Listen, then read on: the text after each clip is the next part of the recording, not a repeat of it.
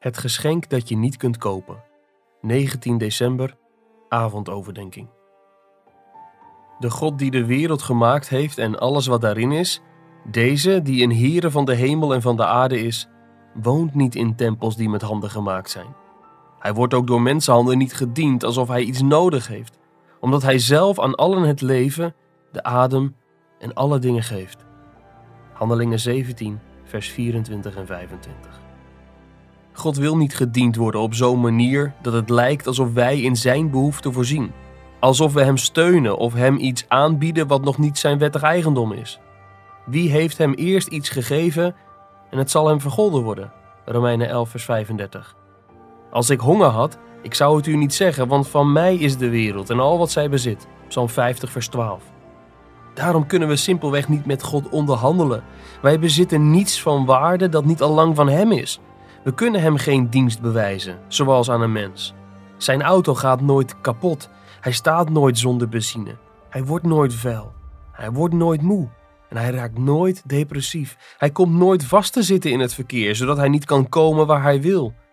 Hij is nooit eenzaam en hij krijgt nooit honger. Met andere woorden, als je wilt hebben wat Jezus je kan geven, kun je dat niet kopen. Je kunt het niet voor iets ruilen. Je kunt er niet voor werken. Hij is al de eigenaar van je geld en alles wat je hebt. Als je werkt, kun je dat alleen maar omdat Hij je het leven, de adem en alle dingen geeft. Het enige wat we kunnen doen, is ons onderwerpen aan Zijn spectaculaire aanbod om onze dienaar te zijn. Deze onderwerping noemen we geloof.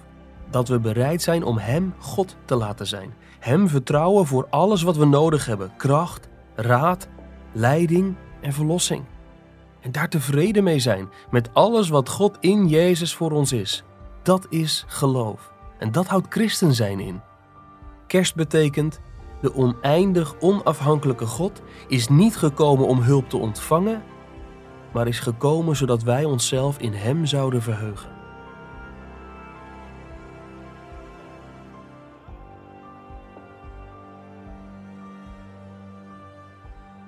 Je luisterde naar een overdenking uit het boek Onwankelbare Vreugde van John Piper. Het boek bevat 50 ochtend- en avondoverdenkingen voor Advent om je te helpen Christus centraal te stellen. Ga naar de webshop van Geloofstrusting om het boek te bestellen of ga naar onwankelbarevreugde.nl voor een online dagboek voor het hele jaar.